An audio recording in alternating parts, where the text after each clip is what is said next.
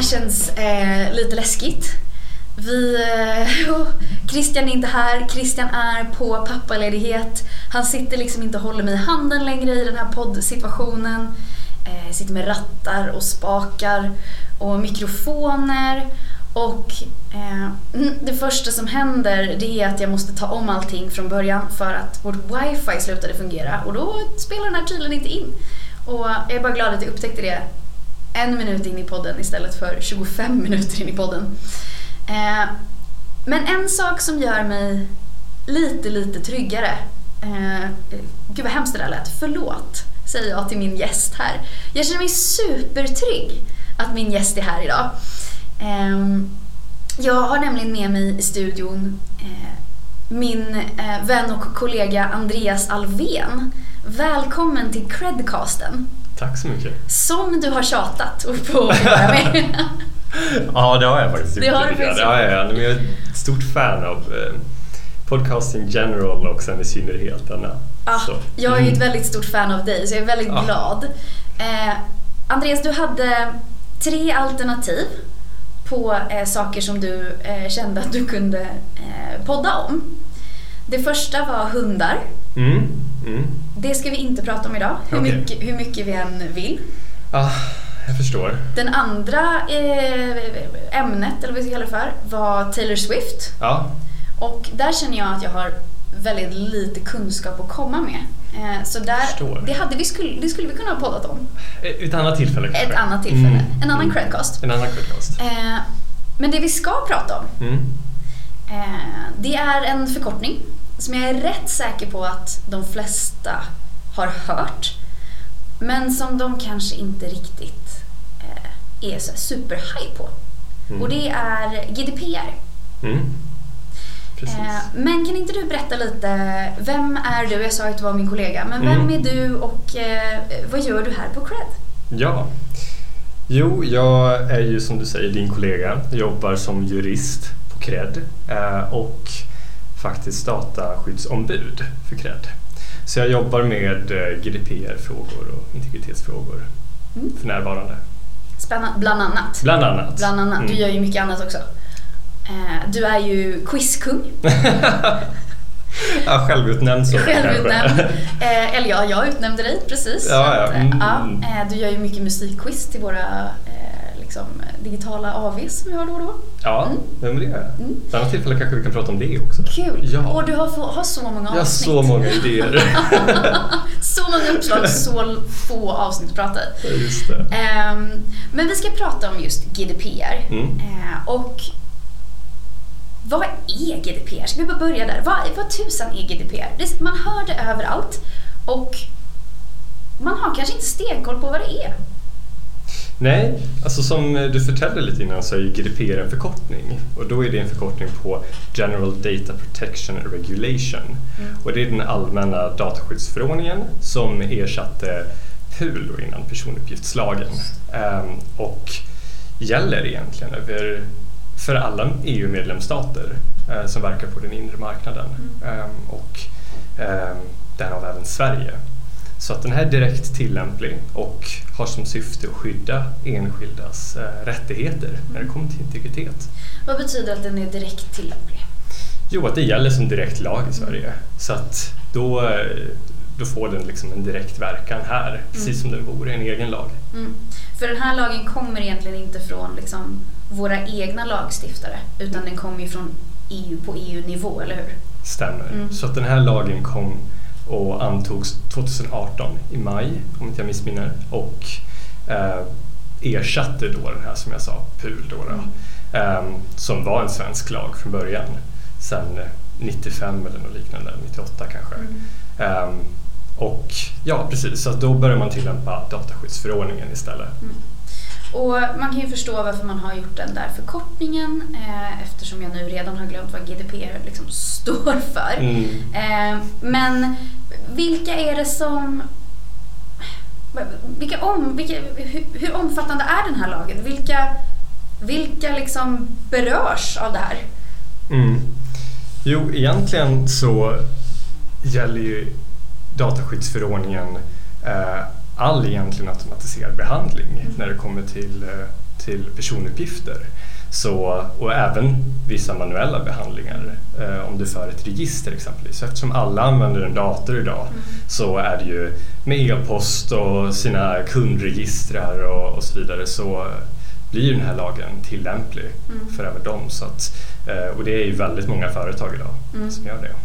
Jag det, har svårt att komma på ett för, en företagstyp som inte har för någon typ av register. Antingen av, över kunder då som vi pratar om, men också jag tänker typ leverantörer, av liksom, alltså underleverantörer och så vidare. Någonstans, det är väldigt få, jag kan inte komma på en enda företagare som är liksom en, en egen enhet som bara liksom är och mm. inte har något form av register. Betyder det i stort sett att alla företag och företagare omfattas av det här? Ja, men precis. Mm. Och det gäller ju liksom um, även det gäller ju framförallt juridiska personer då, då som, är, som har ansvar över. Liksom. Det är främst den som sätter ändamålet och medlen för själva ändamålet och eh, för behandlingen, det vill säga av personuppgifterna, som mm. blir ansvariga. Och då är det ju då kan man ju kanske tänka sig så men är det vdn då eller är det liksom en styrelsemedlem eller ordförande och så vidare som har det här yttersta ansvaret? Men det är hela företaget som sådant eftersom hela mm. företaget sätter liksom den här typen av um, ändamål mm. med verksamheten så att säga. Mm. Um, men vid enskilda firmor exempelvis så är ju um, så är ju just den fysiska personen och den juridiska personen samma. Mm. Så att den, de separeras ju inte och därav blir det en fysisk person i de fallen exempelvis. Mm. Ja, jag förstår. Så den som är, om vi, liksom, om vi har ett, vi bara tar ett exempel, ett företag på tio personer. Mm. Där har alla lika mycket ansvar, eller? Ja, eller det är företaget som sådant som har ansvaret okay. kan man mm. säga. Jag Precis. Um, så exempelvis uh, skulle böter och så vidare tilldelas någon form av sanktionsavgift eller mm. administrationsavgifter som de kallas, mm. då skulle det drabba företaget som sådant. Det. det faller ju inte på någon enskild individ. Nej, okej, okay, ja men då förstår jag. Det är liksom inte, om man inte är enskild firma, för då är precis. individen företaget eller vad vi ska säga. Den ja, juridiska precis. personen är också en person. Helt korrekt. Mm. Eh, eller tvärtom kanske en person är också en juridisk person. Men, eh, det där, nu sidetrackar vi här på en gång. Vi har ändå liksom, för, det ska sägas att vi har förberett oss du och jag. Mm. Eh, eftersom det är ett så komplicerat liksom, ämne och det, det, är så mångbottnat och man kan lägga det på så många nivåer. Så vi har förberett oss med, det första jag gör är att sticka ifrån manus nu. eh, jag har hört att så här, eh, det du var inne på, att så här, det stora företaget eller liksom att det, det, berör hela företaget, det är inte en person på företaget.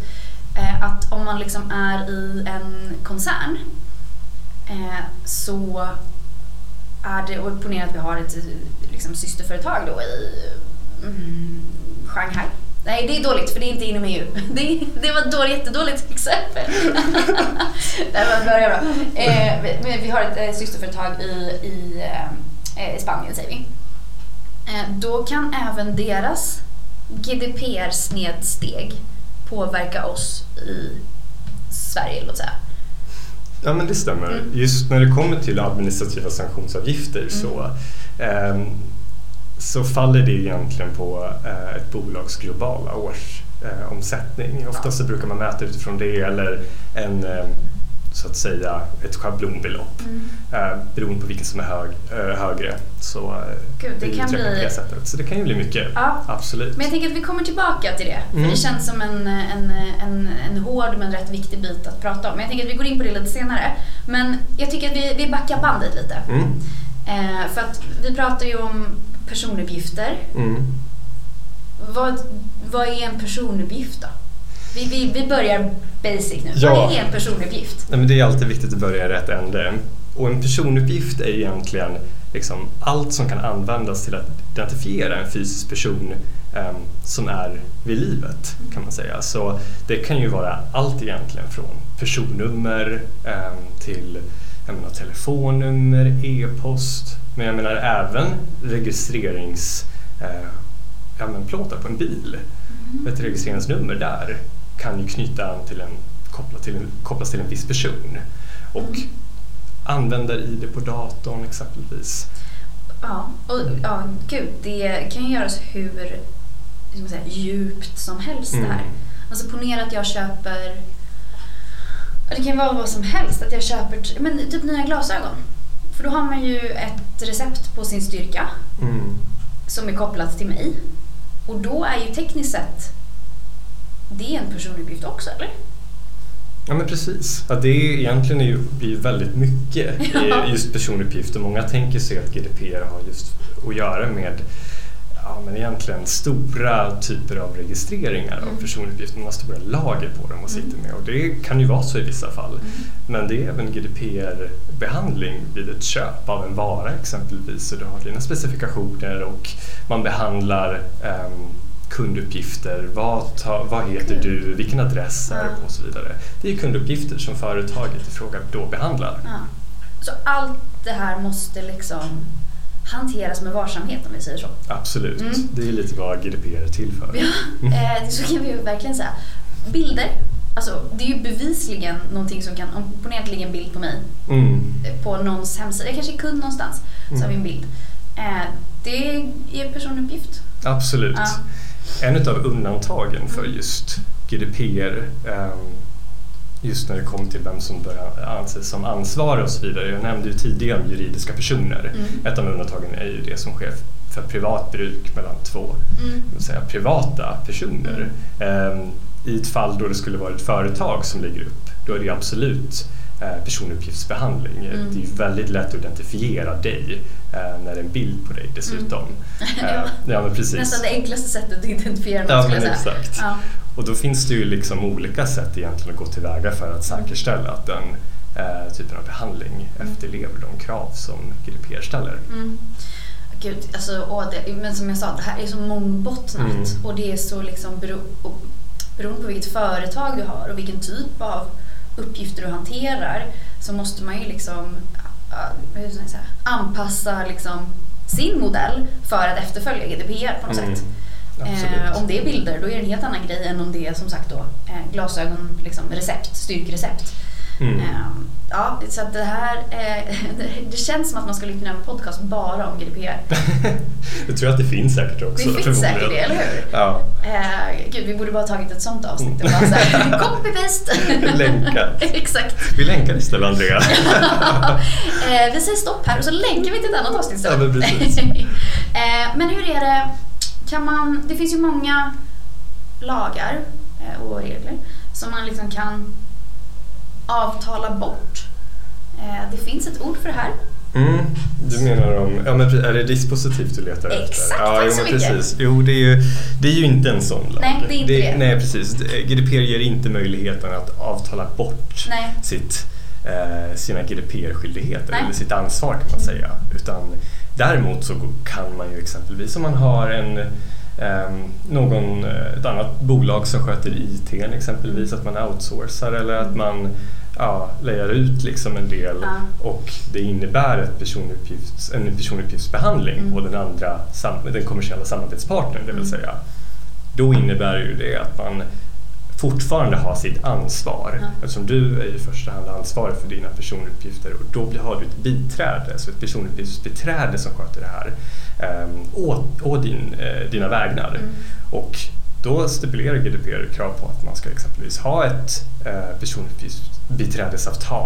Okej. Att man har ett skriftligt sådant Mm. där man ehm, på något vis eh, säkerställer att GDPR efterlevs. Mm, okej. Mm. Så det kan, jag kan liksom inte i ett eh, kundavtal som jag skriver med mina kunder säga så här, ja och, och ehm, det här företaget, eh, på det här företaget har vi valt att eh, inte efterfölja GDPR.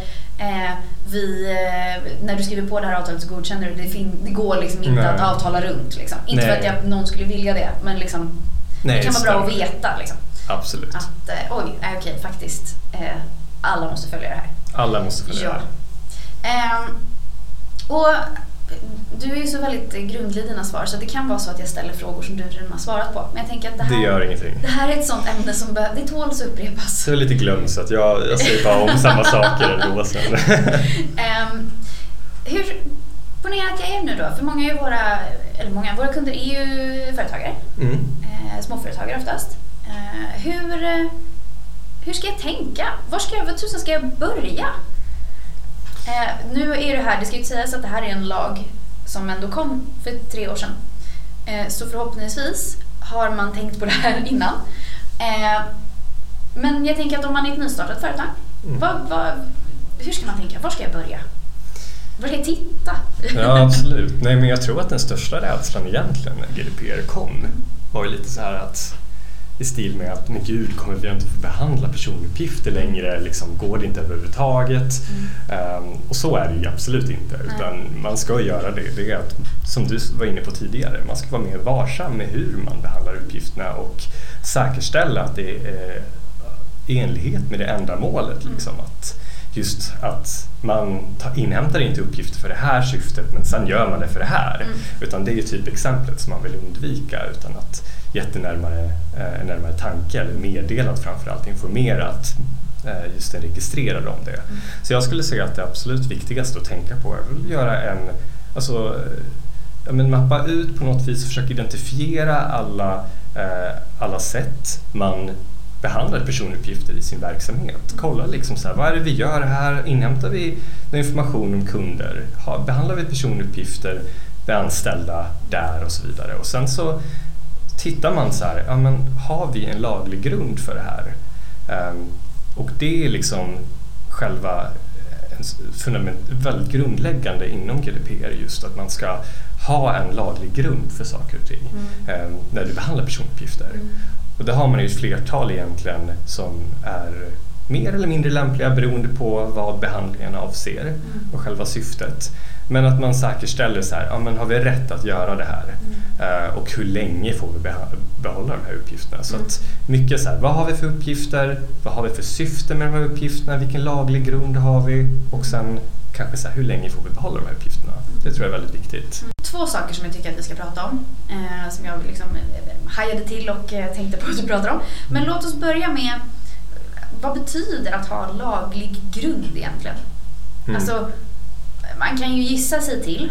Men vi, vi, du pratar om begreppet som att ja, men man ska ha laglig grund. Vad betyder det för mig som företagare?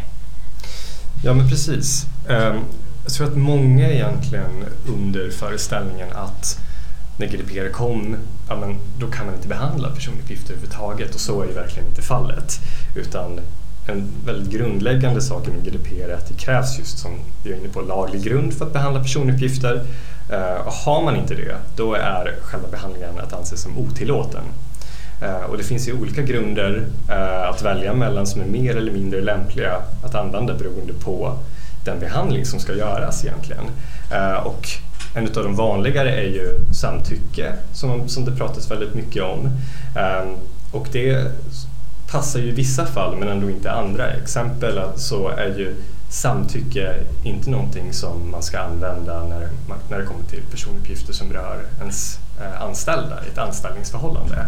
För att, då, för, att, för att samtycke ska vara giltigt så måste det göras på frivillig eh, bas, att det krävs en frivillighet och det är ganska svårt att eh, ja, men etablera när det är just eh, ett bero- beroendeförhållande som det är i ett företag eller liksom med anställda och så vidare. För det är väldigt svårt att bara att säga, säga nej när någon från då sin, sin eh, legal department eller ens VD kommer och frågar du, eh, samtycker du till att vi använder dina, eller sparar dina eh, liksom, eh, personuppgifter? Bla bla. Det är svårt att säga nej.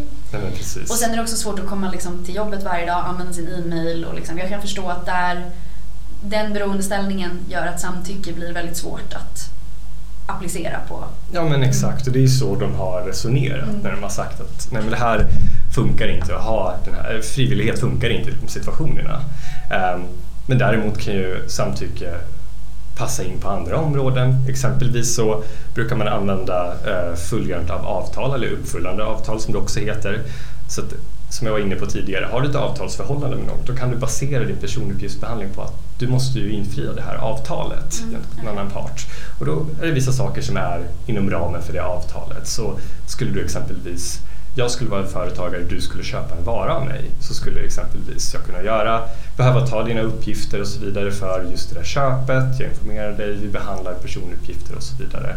Och, men sen skulle jag vilja skicka lite reklam till dig också. Eller vad- få dig att vara med i någon kanske klubb, eller liksom kundklubb eller vad, ja. Um, Taylor Swift-klubb. och eh, nej men eh, då skulle jag ju behöva det är ett helt annat ändamål än just vad eh, det här avtalet på något vis antyder och då måste jag ju samla ett nytt, eh, ett nytt eh, en ny grund så att säga. Okej. Och då passar ju samtycke för det. Det kan jag ju inte göra med exempelvis eh, av, inom ramen för avtalet. Måste du ha ett nytt avtal eller ett nytt samtycke för varje liksom, appliceringsområde? Eh, Eller kan man ha ett avtal som är så här, okej nu, nu, är du, nu har du blivit kund här hos eh, Andrea AB. Eh, Vi kommer att använda dina personuppgifter till det här, det här och det här och det här. Eller måste man ha liksom, förstår du menar, ett avtal per appliceringsområde? Mm, jag förstår vad du menar. Um, alltså det, det beror ju lite på hur man, hur man lägger upp det skulle jag säga. Men absolut att du kan ta in fler saker i det och så vidare. Men då är det väldigt viktigt att vara tydlig och det är väldigt viktigt på något vis att när det rör samtycke då måste det ju kunna lämnas på frivillig basis. Det får Ja. ju inte vara avhängigt av att överhuvudtaget kunna få den här tjänsten. Liksom. Ah, nej. Så att du Mm. kan ju inte göra det på liksom bunta ihop allting och speciellt saker som kanske kräver samtycke Mm. i en och samma. Men eh, det är väldigt viktigt oaktat. Ehm, och det är ju en separat grej med att informationsplikten är intakt. Att du meddelar kunden eller den registrerade om själva behandlingen oavsett. Just det. Mm. Mm. Mm. Så det beror på lite helt enkelt. Det klassiska svaret. Ja, precis. Klassiska juristsvar som alla hatar. Det beror på lite. Ehm, men okej. Eh, vi pratade om lagring. Men sen var du inne på en annan sak också. Som, just det, så var det. Ehm, anställda Mm. Eh, är ju också en typ av eh, personuppgift. Eh, eller liksom anställdas personuppgifter. Ehm, som du var inne lite på nu, att men där finns det en annan... Där är det inte samtycke som, som gäller inom citationstecken för att man är i en sån beroendeställning. Hur är det med typ... Alltså om man, om, om man utlyser en tjänst så är det ju ofta så att man får förhoppningsvis många sökande. Hur är det med deras liksom, personuppgifter? Att, för jag menar, då har du, ponera att vi söker en, en vet, vad, vad kan det vara? Men vi är en bagare, en konditor. Eh, och du får fyra ansökningar och eh, du väljer en. De här andra fyra, kan du behålla dem liksom, för att du vet att du eventuellt kanske behöver en till konditor någon dag och du tyckte att de var bra eh, ansökanden. Hur funkar det liksom? Mm, bra fråga verkligen. Alltså, Det där är, är ju väldigt intressant att just när det kommer till som du är inne på med och som jag sa med just själva anställning och så vidare att samtycke är ingen eh, tillförlitlig grund um, i egentligen anställningsförfarande. Då är det ju lite annorlunda när du rekryterar någon och så vidare. För skulle det vara så att du eh, du samlar kanske in CV och du samlar in personligt brev och det är till och med kanske personlighetstester och så vidare eh, så har du ju behandlat personuppgifter. Och det kan man ju göra inom ramen för just att du är på väg att ingå ett avtal och så vidare. Men skulle det inte resultera i, ett eh, i att det blir ett avtal utan man säger nej men man känner kanske som du är inne på, nej men vi vill ändå behålla den här, vi kanske behöver någon mer framöver senare. Eh, då har man ju inte avtal att liksom luta sig på egentligen som en laglig grund. Utan då måste man eh, kanske inhämta ett samtycke från den personen och fråga liksom så här, okej om vi sparar dina uppgifter Mm.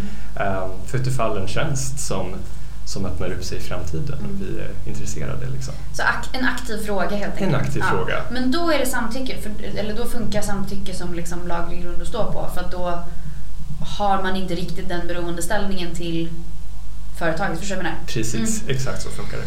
Ja, det är så mycket att tänka på. Det är så mycket att tänka på. Men sen så har man ju kanske då, man har kanske anställda. Ehm, vad liksom, för jag menar, någonstans måste man ju ha deras person, alltså förstår du vad jag menar? Det är måste vara så mycket saker som räknas som deras personuppgifter. Ja. Dels som du säger telefonnummer, e-mailadress, eh, slack, kontakt, vad det nu kan vara. Liksom. Mm. Men sen så, eh, vi var inne lite på igår när vi pratade om det här att så här, det finns ju många känsliga uppgifter som man sitter på. Alltså löneinformation och Mm. familjesituation. Alltså så här, allt Mm. sånt. Går det under GDPR liksom. Absolut, jo men det är det det gör. Ehm, och jag menar det där är, är verkligen en aspekt av egentligen där, jag menar, vi har inte varit inne så mycket på känslig information Mm.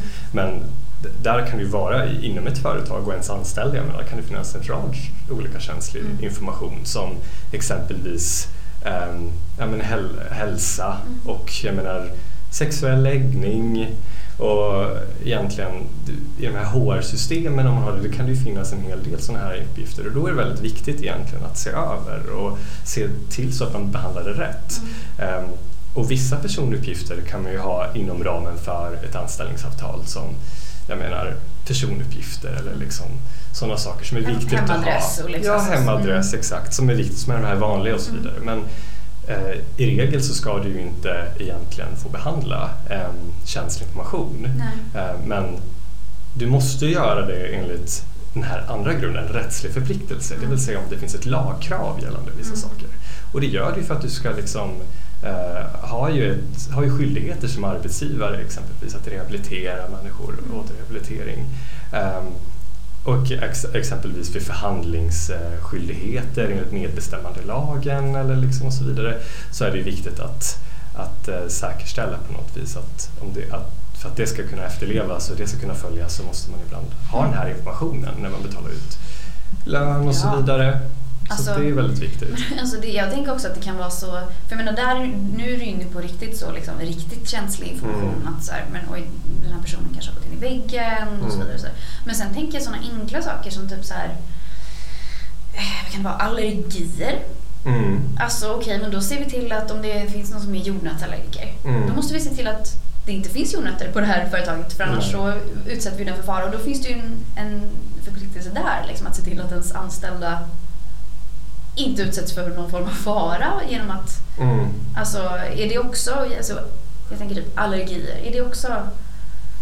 Ja, alltså det, det ju kanske går under... Ja, ja det skulle kunna gå under hälsa. Ja, men precis att man, man har det och så vidare. Alltså, jag tror att egentligen så är det väldigt viktigt att minimera så mycket känsliga uppgifter som möjligt och endast ha det till um, till när det är ett absolut nödvändigt lagkrav mm. att det går liksom inte att komma runt och det stipuleras som en rättslig förpliktelse.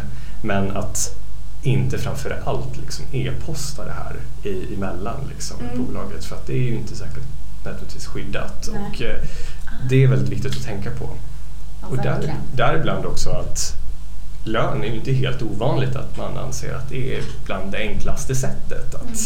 det vill säga um, ja men e-maila lönebeskedet egentligen. Ah, Precis, och det är ju inte okej okay, utan det är okej okay om det skulle vara krypterat och så vidare. Men har man inte det så då finns det exempelvis eh, löneadministrationstjänster eller mm. program och så vidare som säkerställer efterlevnad av GDPR. För att, um, för att det kan ju innehålla, även om liksom, lönen behöver inte vara pers äh, känslig personuppgift i sig, mm. så kan ju den innehålla en del, det vill säga information om hälsa och så vidare. Men gud vad intressant, för att eh, nu när du säger det så kommer jag ihåg att så här, innan, innan GDPR så fick jag ofta mina eh, liksom, lönebesked på mailen tror jag. Mm. Men sen så fick jag dem i, till, igen i pappersformat. Du vet sådana här när man river av ja. sidorna. Ja, old school. Ja, ja, ja precis. Ja, ja. Vi har inte det så här ska sägas. Vi, här har vi eh, det som, det, löne, som ett löneprogram. Så, att, eh, mm. så det är inte vi som skickar pappersgrejer. Men ah, gud, jag har aldrig reflekterat. Jag bara, det här, vi har bytt system typ. Nej, jag tror så här om inte jag um, talar i skägget så tror jag faktiskt att det, själva principen är att man inte riktigt man kan inte samtycka till att företag använder låg säkerhet och så vidare. Och det blir extra ja, men skyddsvärt liksom på det sättet. Och vi har pratat om samtycke ja. och mellan anställda och det funkar inte. Liksom. Spännande, vad intressant. Så, men okej, nu var det ju, jag tänker så här att eh, vi, vi ska snart avrunda det här. Men vi, vi kanske faktiskt ska gå in lite på, även om det är en, en tråkig eh, aspekt av det här. Vad händer om man inte följer GDPR? Mm. Vad, vad liksom, om, som du sa, mejlar eh, lönebesked mm. Eh, eller sparar personuppgifter för länge eh, som man inte har laglig grund för. Vad händer? Ja, ja det, det kan ju vara väldigt dyra sanktionsuppgifter, mm. eller administrativa, administrativa sanktionsuppgifter som de också kallas. Liksom, att, att man får eh, stå för väldigt saftig nota mm. egentligen om man inte följer. Eh, men jag skulle säga en annan aspekt som är men lika viktigt mm. som företagare är ju kanske den, um, den alltså äventyrandet av ens renommé egentligen, det som står på spel. Att det har blivit allt mer um, ja, men, en, inte bara lagen i sig, men norm. Liksom, att man ska ja, men vara, vara varsam med personuppgifter. Och det, det, egentligen, det kan man ju tänka sig själv att skulle man gå till ett företag som inte är det egentligen, att man ger företaget ens egna personuppgifter för ett syfte, men det används till ett annat och man vet inte, jag menar då försvinner ju egentligen förtroendet för mm. företaget som man eh, har att göra med. Mm. Så jag tycker att det är väldigt viktigt framför allt. Mm. Vilken, vilken härlig aspekt har du här, jag säga. Att vi liksom du tar upp det här för jag tycker att det är så himla viktigt. Alltså det är klart att du kan få böter, du kan få viten och du kan få liksom påföljder på det sättet. Men där är du inne på någonting som är så himla, himla viktigt. Att så här, man kan tappa förtroendet. Mm. Eller tvärtom, man, eller ja, man, man tappar sina kunders förtroende. Ja, ehm, och det är jätte... Gud vad härligt konstigt men härligt att höra att det är också en aspekt som man mm. ska tänka på. För jag tror att det är jätteviktigt. Absolut. Um, och jag tror att folk tänker på det mer och mer. Alltså ju fler saker man gör online, det vill säga typ mm. allt nu för tiden, mm. ju mer tänker man ju på så här, men gud, okej, okay, skriver jag in mina personuppgifter här? Um, och sen har de någon form av cookie policy och liksom uh, pop-up som säger du samtycker nu till. Liksom. Men var hamnar de egentligen och vad kommer de använda det till? Uh, så det är ju någon, det är en aspekt man funderar över. Liksom. Ja, absolut. Och sen definitivt en faktor huruvida du um, nej, men kanske eventuellt i framtiden inte reagerar mm. eh, med det företaget i fråga eller att du klickar i den där rutan mm. om du ser samma eh, med företaget, eh, företaget som då skulle misslyckats med liknande mm. hantering tidigare. Mm. Så jag tror definitivt att det är, det är kopplat väldigt mycket till ett renommé och, och varumärke. Mm. Ja, eller tvärtom, ett företag som verkligen har lyckats Ehm, de beskriver sin liksom, GDPR-policy på ett väldigt här, hanterbart, förståeligt sätt mm. som gör att man förstår men också får förtroende. Mm. Jag tror att man kan vända på det åt det hållet också. Att, så här, det finns en positiv, skö, sköt det här på ett bra sätt. Ja, ja. Och nu, de flesta sköter ju det här på ett bra sätt för annars hade det varit kaos där ute. GDPR-kaos. Ja, det får man ju hoppas. Ja, man får hoppas det, eller hur? Mm. Eh, men när vi har gäster så brukar vi alltid avsluta med, nu säger jag vi, gud. Mm. Du och Christian, jag. du och jag. Eh, nu är det du och jag Andreas. Ja, ja, ja. Mm. Eh, Co-hostar. Nej men eh, när Christian och jag har gäster mm. så brukar vi alltid avsluta med en, ja, en liten lista. Eh, Topp saker att eh, tänka på mm. när det kommer till GDPR och hur jag som företagare ska tänka kring GDPR. Mm. Okej, får jag, får jag gå lite outside the box och köra course. två listor här? Oj, oj, oj. Ja, ja, ja. ja jag måste gå ut med, med ett bang känner jag. Det här kan vara ett nytt eh. segment i podden. Andreas går utanför boxen. Ja. ja, ja. Grejen är den att, precis, jag var ju inne på tidigare det här med att just att ransaka lite grann. Så här, ja, men kolla lite grann, vad, få en överblick. Hur behandlar min verksamhet personuppgifter? Eh, och sen ställa frågan varför har vi dessa uppgifter? Har vi laglig grund för det? Och liksom, vad är själva ändamålet? De går lite hand i hand där. Och informerar vi framförallt den registrerade om det? Mm. Så det tycker jag är nog väldigt viktigt att ta med sig. Det tror jag är en bra, bra början egentligen. Mm. Um, sen är det ju väldigt vanligt egentligen att ha uh, så kallade kundregister. Mm. Och då tänker jag att det är för att kunna uppfylla informationsplikten och se till liksom så att det är okej okay, så skulle jag eh, råda eh, ja, men, verksamheter att rensa sitt kundregister regelbundet. Mm. Um, så när information inte längre behövs för det syfte det samlades in för, ja men då ska det tas bort. Uh, och vara väldigt försiktig och med känslig information. Så skriv inte ner omdömen om kunden eller känsliga uppgifter eh, som jag var inne på. Kundens liksom, hälsa, etnicitet eller liksom, religiös åskådning och så vidare. Eh, för det är ju inte okej okay att registrera det vill säga. Eh, så tänk på att också att de här eh, egentligen reglerna gäller för personuppgifter som förekommer i mail också. Mm. Så skicka aldrig känsliga uppgifter via e-post bara. Eh, och bestäm hur länge ja, men generellt sett man ska spara e-post och mm. radera mejlen efter det. Så gallringsrutiner. Bra listor. Ja, det blir väldigt mycket där. Nej, men jag tycker det blir jättebra. Men okej, men jag kom på en sista fråga nu. Mm. Eh, för jag menar, vi jobbar ju med det vi gör. Eh, finansiering till småföretagare. Vi är ju på intet sätt en rådgivare i GDPR-frågor, det ska faktiskt sägas. Ehm, Även om du är en stjärna på det. Men var kan man vända sig då? Om jag, har, om jag, har, om jag är för egenföretagare Mm. och jag har frågor kring GDPR. Mm. Var, var ska jag börja leta? Hur gör jag? Nej men precis. Jag skulle nog säga att det finns ju väldigt mycket på webben om Mm. det här. Eh, och eh, tillsynsmyndigheten för just GDPR är ju eh, IMY som de nu heter, Integritetsskyddsmyndigheten. Men äh, vänta Andreas, hur blev det där EMY? Ja, nej, IMY. Ja, IMY, Integritetsskyddsmyndigheten. Då, då, då var jag som hörde fel. Ja, är men som det finns en väldigt mycket vägledning liksom, just gällande personuppgiftsbehandling. Och känner man att man vill eh, verkligen ha koll och, och, men man orkar verkligen inte göra det själv så finns det ju hjälp man kan få, få egentligen när det kommer till ja, men, byråer som håller på med det här och som kan hjälpa allt från startups liksom, till lite mer etablerade bolag. Skräddarsy egentligen eh, ja, men en rutin och egentligen en plan som passar ens eget företag. Så helt enkelt, våga fråga om hjälp. Våga fråga om hjälp, Ja. kolla Det- runt. Det här känns inte som ett ämne där man ska, eh, som eh, Christian och jag gör ibland i podden, killgissa sig fram. det känns som att man ska ändå ha lite, lite koll på det man gör. Ja, men läsa lite själv. Jag säger inte att man inte ska göra det själv om man inte, men, men absolut var, var påläst, kolla runt. Det står väldigt mycket Mm. Det finns om det. Det finns. Mm. tillgå, absolut.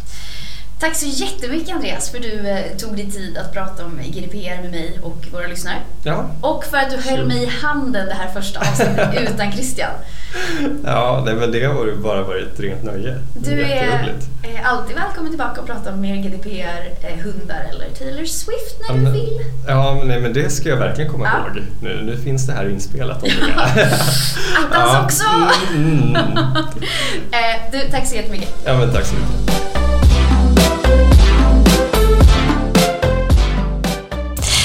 För att ni har lyssnat på vår podcast. Vårt mål är att kunna erbjuda alla småföretagare en enkel och smidig finansiering utan att behöva gå till banken. Är du själv småföretagare och i behov av finansiering? Besök cred.com, cred med Q. Och glöm inte att följa oss på sociala medier.